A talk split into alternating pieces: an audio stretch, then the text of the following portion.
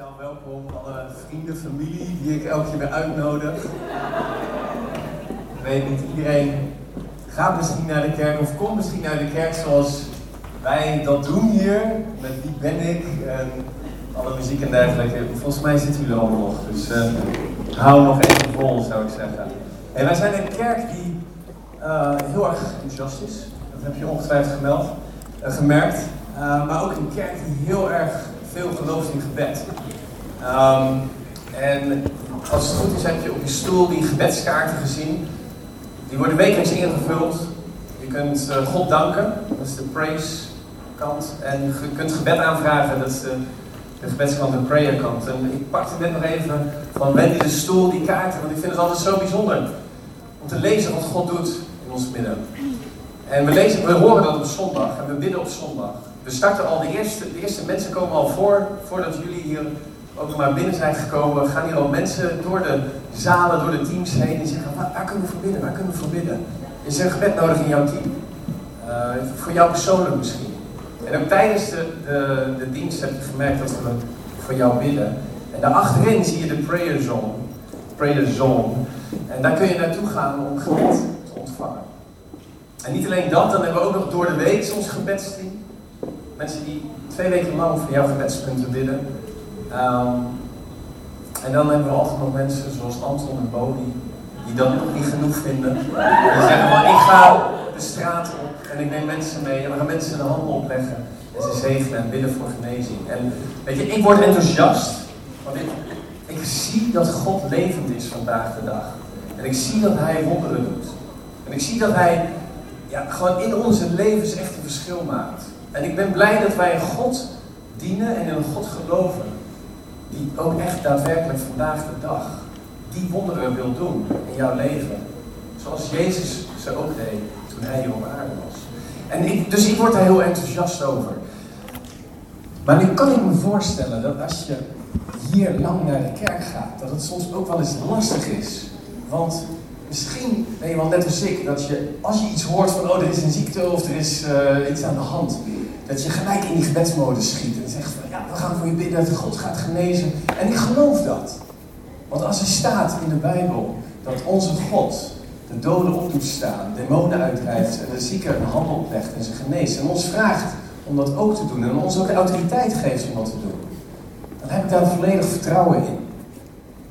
Maar ik ben erachter gekomen dat het soms lastig is. Als je ineens zelf voor zo'n situatie staat, waarin niet jij degene bent die moet bidden voor een ander of mag bidden en hoop uit mag spreken, maar die aan de andere kant staat. En die eens te maken krijgt met een ja, situatie in je leven waarin jij moet lijden. En waarin jij, waar het ineens allemaal anders is. Ik kreeg, uh, denk zo'n twee maanden geleden, een appje van mijn vrouw, Sharon. Ze zit nu uh, bij de kids. En zij uh, is stewardess, zoals de meesten van jullie wel weten.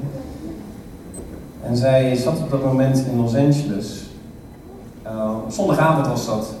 27 augustus, nee, ja, 5, 26 augustus. En ze zei, hey, ik vertrek zo alweer op mijn vlucht naar Amsterdam. Ik heb extreem pijn in mijn buik, ik kan bijna niet lopen. Ik hoop wel dat het zo gaat met vliegen. Wil je voor mij bidden? Ik neem aan boord een paracetamol, slaap lekker vast. Love you. Het was 8 uur s'avonds. En ik reageer om half negen. Wat vervelend, schat. Ik heb net avondmaal genomen. Ik was al voor je aan het bidden. In Jesus' name be healed and restored right now. En dat is eigenlijk altijd mijn eerste reactie als ik zoiets hoor. Dat ik gelijk Jezus uitspreek over die situatie. Nou, zij ging aan boord. Uh, daar ging het uh, helaas niet goed. Uh, er kwamen, waren gelukkig twee specialisten aan boord. De een zei van nou, ja, als jij mijn vrouw was geweest, had je, ik nooit het vliegtuig op laten stijgen. Ze, hij adviseerde om te landen in Canada. Dat hebben ze uiteindelijk niet gedaan. Ze is teruggekomen naar Nederland en direct daarop is ze naar het ziekenhuis gegaan. Um, en daar hebben ze, dat deden ze al snel onderzoek. Bleek dat er grote bloeding aan haar buik zat. Maar het was in ieder geval goed nieuws, want ik dacht in eerste instantie dat is, een, dat is iets van een blinde darmontsteking. Dat is altijd een vervelende operatie. Um, en dat bleek niet zo te zijn. Het was geen blinde darmontsteking. Dus ik was, ik was super blij. Ik dacht van, dank u wel God. Maar vervolgens werd er nog meer onderzoek gedaan. En wat snel bleek, we kregen, we kregen goed nieuws. En het goede nieuws was dat we zwanger waren. Dus dat er een, een, een broertje of zusje voor Marcus aan zat te komen. Maar tegelijkertijd kwam daar ook het nieuws dat het kindje niet op de juiste plek groeide. Het kindje groeide buiten de baarmoeder op, zogenoemde buitenbaarmoederlijke zwangerschap. Dus je zit op dat moment, hoor je, hoor je goed nieuws, maar tegelijkertijd hoor je ook nieuws waarvan je denkt van ja, wat, wat moet ik hiermee? En, en gelovig als ik ben, hè, en die God die, die kan genezen en die kan herstellen en die wonderen doet, ook echt vandaag de dag, gingen wij in gebed. En hè, we hebben een aantal mensen om ons heen gevraagd om voor ons te beden. En ik bad God. Als u die God bent die wonderen doet, op dit moment wilt u dan het kindje in die baarmoeder plaatsen. U kunt dat toch doen. Ik heb, ik heb grote wonderen gezien. Ik heb mensen op zien staan in rolstoelen. Mijn vader, ik ken hem niet anders dan van jongs af aan, heeft hij MS. Hij heeft maandenlang half van land in het ziekenhuis geleefd, uh, gelopen. En, of gelegen. En vandaag de dag is hij ja, een jaar geleden zei hij, Henk, ik ben genezen, ik neem geen medicijnen meer. Na twintig jaar elke dag spuiten is dat niet meer nodig. En hij is gewoon volledig fit. Hij schaatst 200 eh, kilometer uh, als stedentocht elk jaar de Oostenrijk. Dat, dat zijn dingen die ik zie gebeuren. Maar tegelijkertijd gebeurde dit op dit moment niet. Um, dus het kindje is operatief verwijderd. Um, en op zo'n moment lig je in ligt, ligt vrouw in het ziekenhuis, tranen, uh, pijn, moeite, gebed. God, hoe ga ik hiermee om? Nou, dat is eigenlijk de aanleiding voor de boodschap die ik met jullie vandaag wil delen. Hoe ga je om in een periode van lijden en tegenslag? En het kan echt, nogmaals, het kan lastig zijn als je bij ons in de kerk zit, want we zijn gewoon een heel positieve kerk. We zijn, sommige Mensen noemen ons ook wel een happy clappy church. En daar ben ik eigenlijk ook, daar ben ik wel blij mee. Want daar zo zijn wij. Wij geloven dat God een goede God is. Dat God het beste met jou voor heeft. We geloven niet dat God jouw ziekte stuurt. Dat hij jou maar een lesje wil lezen. Maar we geloven wel dat God, juist in die situaties waarin het moeilijk is, jou kan gebruiken en situaties om kan draaien. En het was ongeveer een maand geleden. Ik wist dat ik over een maand moest spreken. En ik was nog aan het nadenken, waar zal ik, waar zal ik over spreken? En tijdens de dienst legde God het zo op mijn hart. En ik spreek over dit onderwerp. Over lijden. En direct na de dienst was ik in de foyer. En ik uh, schoot even mijn vriend Henk Jan aan. Henk Jan, volgens mij ben je hier. Ik, daar zit hij. En ik vroeg Henk Jan, waar moet ik nou over spreken over een maand? Hij zei, Henk, Jan, we hebben over lijden. En toen wist ik, ik moet hier vandaag over spreken. En niet voor jullie om mijn verhaal aan te horen. Maar ik geloof dat hier vandaag mensen zijn.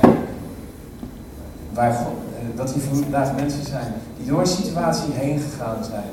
Misschien de afgelopen jaar, afgelopen jaren, dat je te maken hebt gehad met verlies. Misschien zit jij hier vandaag wel en ga jij door zo'n situatie. En ik geloof dat vandaag God tot jou wil spreken. En dat hij je handvat wil geven. En dat hij je moed wil geven en hoop. Misschien wel in een situatie waarin jouw vader of jouw moeder overleden is onlangs. Misschien vraag je je wel af van, maar God, u had toch een belofte op mijn leven met deze partner? En waar is die nu? Ik kan me voorstellen dat je hier zit en dat je door een donkere, donkere periode in je leven bent gegaan als kind. Dat je misschien misbruikt bent en dat je je afvraagt van God, waar was u op dat moment? Ik geloof dat vandaag God tot jou wil spreken. En dat hij je rust wil geven en hoop. Ik wil ook bidden. Ik wil echt vragen om je hart te openen en om te ontvangen. Vader in de hemel. Dank u wel. Dat we uw woord mogen ontvangen, Vader. Dank u wel dat u hier aanwezig bent met uw Heilige Geest. En Vader, ik bid voor een ieder van ons, dat we ons hart mogen openen. Dat het wagenwijd open mag staan en dat uw liefde en vrede hier op dit moment ons al aan mag raken. Vader, u bent een goede God. En u, u herstelt alles wat gebroken is. Op dit moment wil ik u vragen, kom met uw vrede. In Jezus' naam. Amen. Het is altijd goed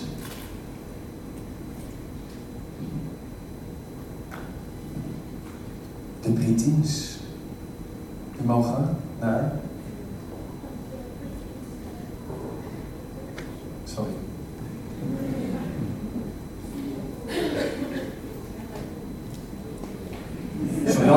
Zijn in de zaal, het net, uh, die mogen naar de foyer toe. En als je, als je wil blijven, dat snap ik heel goed, blijf komt af en toe een grapje tussendoor, jongens. Dus uh, het is niet te serieus. Maar het is wel een belangrijk onderwerp. hey, um, ik heb eigenlijk maar twee punten mijn preek. Hij is ook niet te lang, maar hij is wel vol. Dus ik hoop dat je aantekeningen maakt. Yes, een aantal mensen die aantekeningen maken. Ik zeg het altijd. Is één ding om het woord te horen, maar er is een ander ding om God tot jou te laten spreken en jou een openbaring te geven. En God kan door iedereen heen werken. We zien juist in, in de Bijbel dat God door mensen heen werkt waarvan je het minste had verwacht. Dus misschien denk je van, nou ja, wat doet die gozer hier?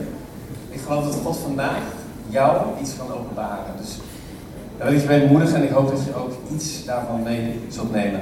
Hey, als we kijken naar de Bijbel, ik denk dat het ons startpunt is om, als we het over lijden hebben, om daarin te duiken. En eigenlijk het eerste wat mij opvalt als je daar dan op zoek gaat, dat het woord vol staat met allerlei voorbeelden van mensen die door moeilijkheden gaan.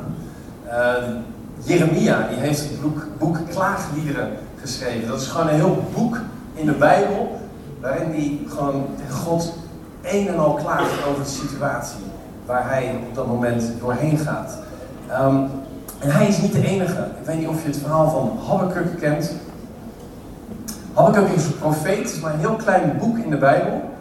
En hij schrijft drie, drie hoofdstukken, drie, drie, hoofdstukken in zijn boek. En hij is heel erg bewogen met de situatie waar het volk daar op, op dat moment uh, waar, waar, het zich in begeeft. Het aangevallen door andere volken. En hij klaagt steen en been en zegt: Hoe lang nog, Heer, moet ik u om hulp roepen en luistert u niet?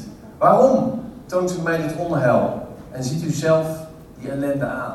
En ik denk dat het belangrijk is om goed naar de verschillende personages in de Bijbel te kijken. En te kijken hoe zij nou omgaan met situaties die anders zijn dan dat wij normaal gesproken zouden verwachten. Want als je een beetje zoals ik ben, dan schiet je misschien al snel in, um, ja, in zo'n zo'n modus van, hè, zoals ik dat appje naar Shara stuurde, van het komt goed, gaan bidden, dit, dat, zo, zo. En ook naar anderen merk ik dat ik vrij snel oplossingsgericht, adviserend, hè, zoals wij mannen dat zo vaak doen, al snel uh, reageer. En wat het nou mooie is van de voorbeelden die ik hier met jullie deel uit de Bijbel, dat zijn eigenlijk allemaal mannen van God. Habakkuk is een profeet van God. Die zeggen van ja, God, waarom? En een ander voorbeeld, als het goed is, komt ook op het scherm, is David. David nou, niet in alle eerste 50 psalmen, maar als je eens goed op gaat letten, al in de eerste paar psalmen die hij schrijft, zit, uh, vraagt hij eigenlijk elke keer aan God van, ja God, wat is er aan de hand? In psalm 3 zegt hij, Heer, ik heb zoveel vijanden. In psalm 4 zegt hij, God, antwoord mij alsjeblieft als ik roep. In psalm 5 zegt hij, Heer, luister alsjeblieft naar mij. In psalm 6, 6 zegt hij, Heer, heb medelijden met mij. Dat zijn nog maar even vier psalmen op een rij. En in, zelfs in psalm 6 uh, vraagt hij aan God, God, waarom bent u boos op mij?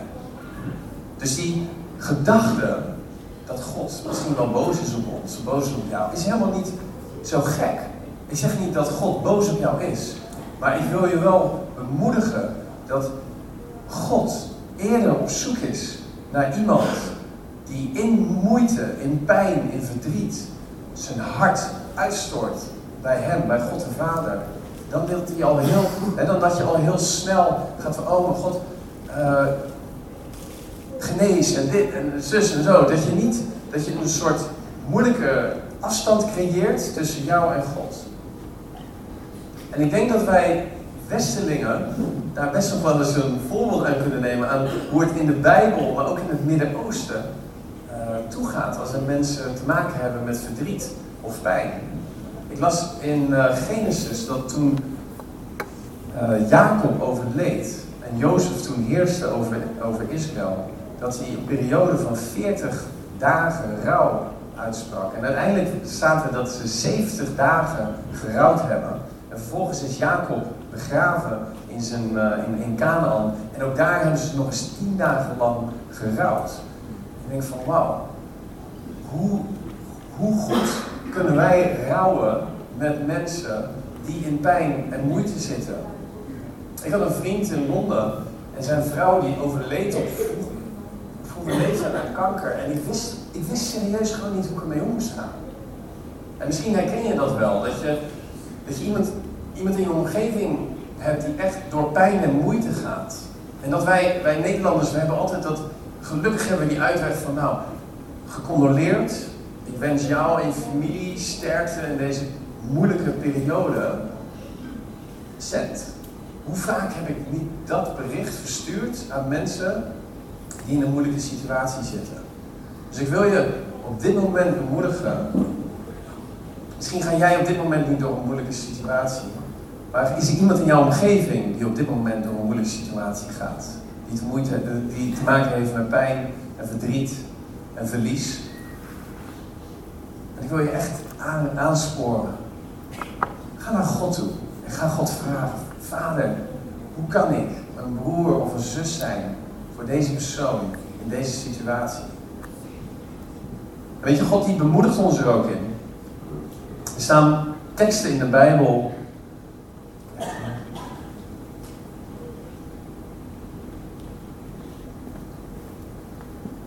alleen in het Engels, maar als het goed is, staat er. Um, in het Nederlands heb je hem als het goed is ook. Mourn with those who mourn. Dat is een tekst die wij echt ter harte mogen nemen. Huil met degene die huilen. En nogmaals, hè, laten we kijken naar andere culturen, laten we de Bijbel induiken, laten we zoeken naar die voorbeelden waar mensen dit echt op zich nemen en op die manier elkaar de liefde van God laten zien. Weet je, iets anders wat ik je graag wil delen is, met je wil delen is dat er zijn mensen die als het moeilijk gaat of als het pijn is, God de schuld geven van datgene wat er gebeurt. En ik kan me dat voorstellen. En zeker buiten de kerk gebeurt het heel vaak. Misschien heb je wel eens meegemaakt als er een aardbeving is of een grote natuurramp, dan krijg je wel eens vrienden die niet geloven en uh, die komen naar je toe en die zeggen, ja maar hoe zit dat dan? Als God die God is, die, waarom, als, als God zo'n goede God is, zoals jij zegt, waarom zou hij dit dan toelaten? En misschien stel jij die vraag ook wel zelf van God. Waarom gebeurt dit op dit moment mijn leven? Waarom heb ik mijn vader of moeder op zo'n vroege leeftijd al verloren? Weet je, er is een dunne lijn tussen God de schuld geven en een waarom-vraag stellen waarbij je mee En ik denk dat te vaak willen wij proberen om God te verklaren, om God te begrijpen. En dat vanuit die onbegrijpelijkheid van God, als wij iets niet begrijpen, dan gaan we ons beeld van God aanpassen. Weet je, het lukt ons dan helemaal niet om onszelf te begrijpen. Ik hoorde gisteren dat, er, dat jij en ik goud in hebben. Ja, en dat is, niet, dat is niet spreekwoordelijk. Jij en ik, in je lichaam zit goud. Ik zie Vincent echt kijken van? En voor de mensen die niet geloven, mag ik nu googelen. Een, gemiddeld, als jij 70, uh, 70 kilo weegt, heb je gemiddeld 0,2 milligram goud in je lichaam. Vulling. Van geboorte. Ja. En de wetenschappers weten nog steeds niet waarom en hoe het komt. Maar jij en ik hebben goud in je lichaam. Dus je ziet, sommige mensen zijn kilo, sommige mensen hebben wat meer goud. Best. Sommige mensen hebben ook nog wat extra goud ingezet. Heel mooi. Maar, maar ik vond het, het was echt een openbaring voor mij dat, dat als ik al niet weet hoe mijn eigen lichaam in elkaar zit, wat hier allemaal gebeurt, dat ik goud in me heb.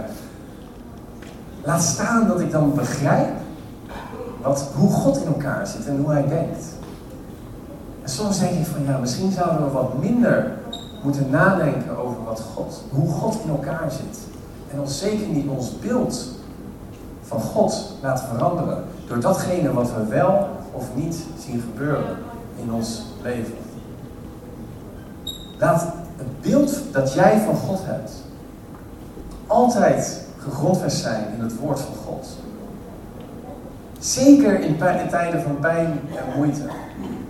Het eerste punt dat ik je daarin mee wil geven. Als jij op dit moment door een periode van pijn of moeite gaat, dan wil ik je bemoedigen. Ren naar Hem toe. In plaats van weg te rennen van Hem. Ik weet, er zijn, zijn mensen die hebben God gevraagd: God, als u bestaat dan, op dit moment in het lijden, toont u zich dan. En dat is dan niet gebeurd. Of men heeft de stem van God niet verstaan op dat moment. En mensen zijn weggegaan van God. Maar ik denk dat er geen betere plek is waar jij kunt zijn op het moment dat je door pijn en moeite gaat, dan je te focussen op God. En met rennen bedoel ik echt je uitstorten naar Hem toe. Naar Hem niet, ja, gewoon je volledig overgeven aan Hem. Zoals, hè, lees de psalmen door. Staat bij psalm 1 tot en met psalm 50. En ga kijken naar David. Hij schreeuwde het uit naar God. God, waarom al deze vijanden? Waarom al deze pijn? Maar elke keer kwam hij terug. Aan het einde van de psalmen zie je elke keer dat hij zei, maar God, u bent groot. Ik dank u. Ik prijs u. Ik ga echt kriskras door mijn, uh, door mijn aantekeningen. Maar dat maakt niet uit. Um,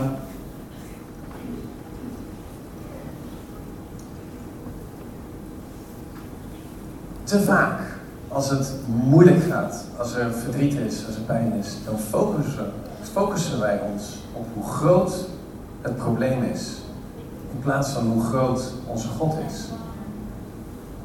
En die shift, die wil ik echt, daar gaan we dadelijk ook voor bidden, die wil ik echt maken. Over, en die wil ik echt uitspreken over jouw leven. Dat je de mogelijkheid hebt om te zeggen, God, ik zie die storm hier nu. Ik weet niet waarom dit gebeurt. Maar God, ik ren naar u toe. En naast dat je naar hem toe rent, wil ik eigenlijk je bemoedigen om een stapje verder te gaan. En om in dat moment, als jij in zo'n moment van strijd zit, om juist dan een goede strijder te zijn van God. Is het wel eens opgevallen dat David al zijn, zijn geweldige psalmen, zijn intimiteit met God, alles wat je leest in, in, in, in, al die eerste psalmen, dat was in een tijd waarin hij aangevallen werd.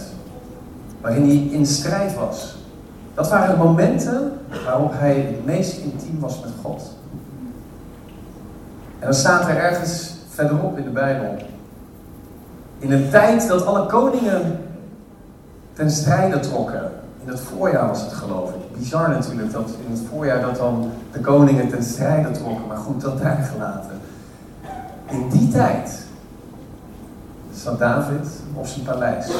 En was hij niet in de strijd. En dat is het moment dat hij in zonde viel. En overspel pleegde met Bathseba. En uiteindelijk de man van Bathseba om die brengen.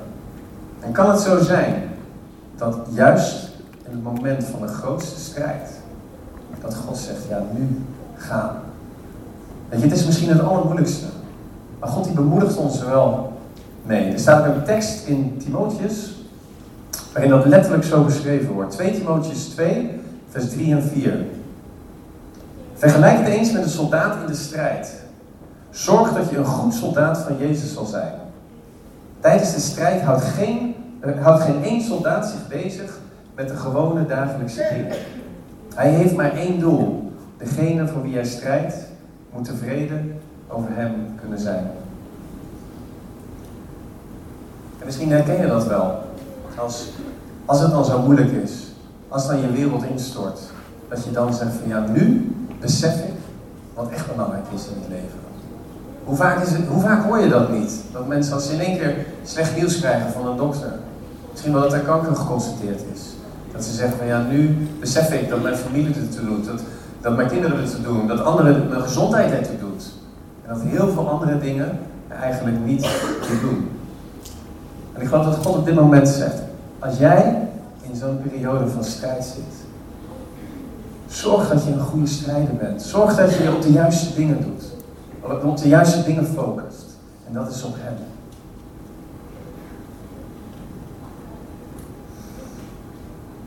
Er is een tweede punt wat ik graag met jou wil delen. En als we het hebben over strijd, ik denk dat als je, je christen bent en op zondagochtend naar de kerk gaat, dan is dat ook vaak het moment van de meeste strijd in de auto. Wie herkent dat? Je bent voorganger, je, je, je wil de gemeente toespreken, je wilt laten zien dat je geweldig huwelijk hebt en dat je een voorbeeld bent. En dan in de auto of op weg naar de kerk, dan gebeurt er van alles. Nou, ik ervaar dat ook.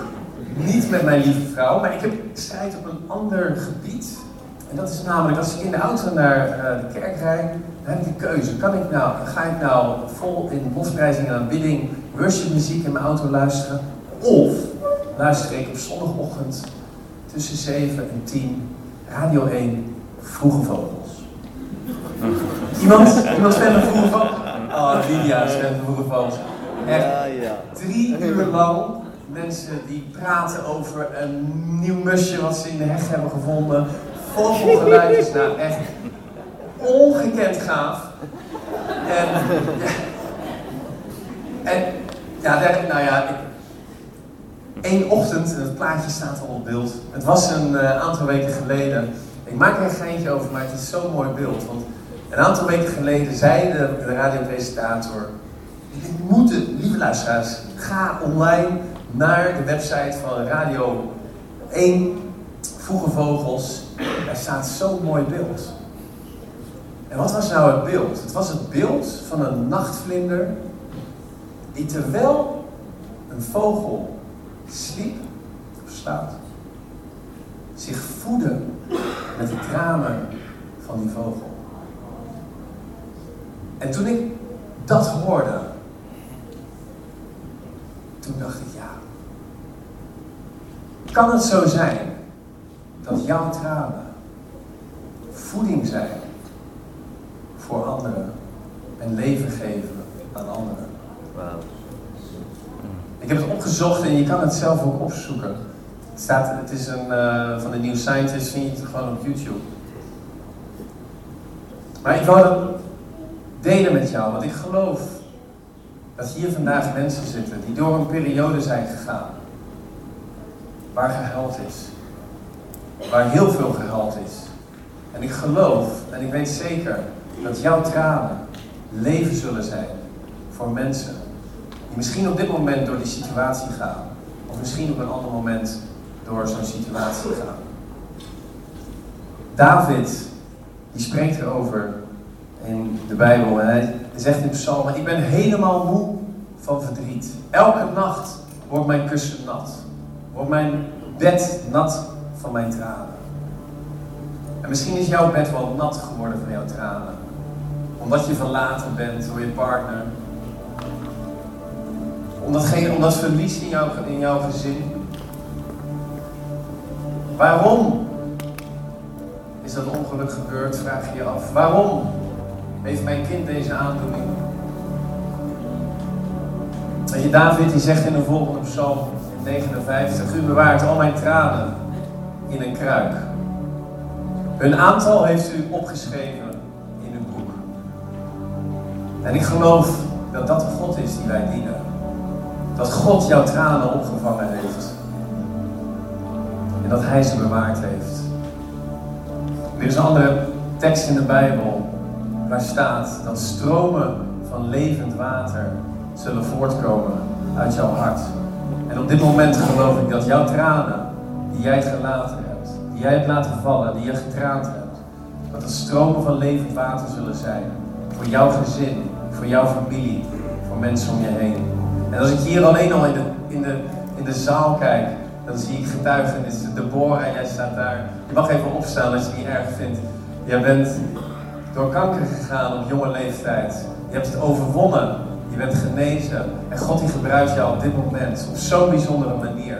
En ik wil je echt, als jij op dit moment door een situatie gaat, dan wil ik je dat je kijkt naar die getuigenissen hier in de zaal. Janneke, je vindt het misschien erg.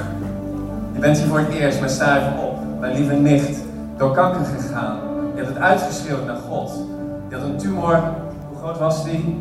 Zoals een tennisbal. En vorig jaar ben jij genezen verklaard. En ik spreek uit over jouw leven dat jij een voorbeeld zult zijn. Voor je gezin, voor je man. En voor mannen, voor mannen en vrouwen die op dit moment door het leven gaan. Je zult een krachtige vrouw van God zijn. In Jezus' naam. Een aantal jaar geleden kwam een goede vriend van mij bij me. Ik tik hem er altijd uit. Anton. Je vrouw liep van je weg. Je moeder is op vroege leeftijd gestorven. Direct heb jij dat eerste punt opgepakt. Je bent naar God toegerend. Je hebt een, in een periode waarin het leven zo zwaar en zo moeilijk was, heb jij God op zo'n bijzondere manier gevonden. Hij heeft je rust en steun gegeven en vrede. En God heeft alles hersteld. Hij heeft je de geweldigste, ja, liefste vrouw gegeven in Alicia. God is een God die, die dingen die gebroken zijn, weer heel maakt. Gisteren hoorde ik van een Japanse, een Japanse vorm van het herstellen van oud, oude potten. Dat heet kinshushi. En wat deden ze? Oude Chinese potten, die werden weer heel gemaakt met goud. Je mag het ook, ook dat mag jij opzoeken. En die potten van goud, dit was gewoon Chinees porselein. Dat was niet zo heel veel waard. Er staat geschreven dat ze, omdat die potten teruggingen naar China, daar gerepareerd werden, maar dat ze de reparaties niet mooi vinden. Dat de Japanners zeiden van nee, er moet iets beters komen om dit te repareren. En zij hebben die potten gerepareerd met goud. En zo geloof ik dat God de scheuren, de littekens in jouw leven, die misschien nog zichtbaar zijn, dat Hij ze zou repareren met goud. En ik wil dat echt over jou uitspreken. Ik geloof echt dat er op dit moment mensen zijn die door zo'n situatie gaan die gewoon onmogelijk is. Maar God die zal repareren met goud. En het goud, dat ligt al in jou. En het goud ligt ook in de mensen om je heen. En ik wil jou ook bemoedigen, als jij een getuigenis hebt, als jij een getuige, als God gewerkt heeft in jouw leven, als Hij hersteld heeft datgene wat gebroken is, dan wil ik je echt bemoedigen om die strijd aan te gaan, om voorop te gaan. Weet je, er is een, er is een wereld die, die in de duisternis zit. En God zegt, wees het licht van de wereld. Jij en ik kunnen het verschil maken voor zoveel mensen hier in de wereld. Misschien in jouw directe omgeving. Misschien in je familie, op werk, waar het ook is. Maar ik geloof dat God elke situatie ten goede zal brengen. Ik wil je vragen om te gaan staan, dan gaan we God aanbidden. En dan wil ik zo een gebed over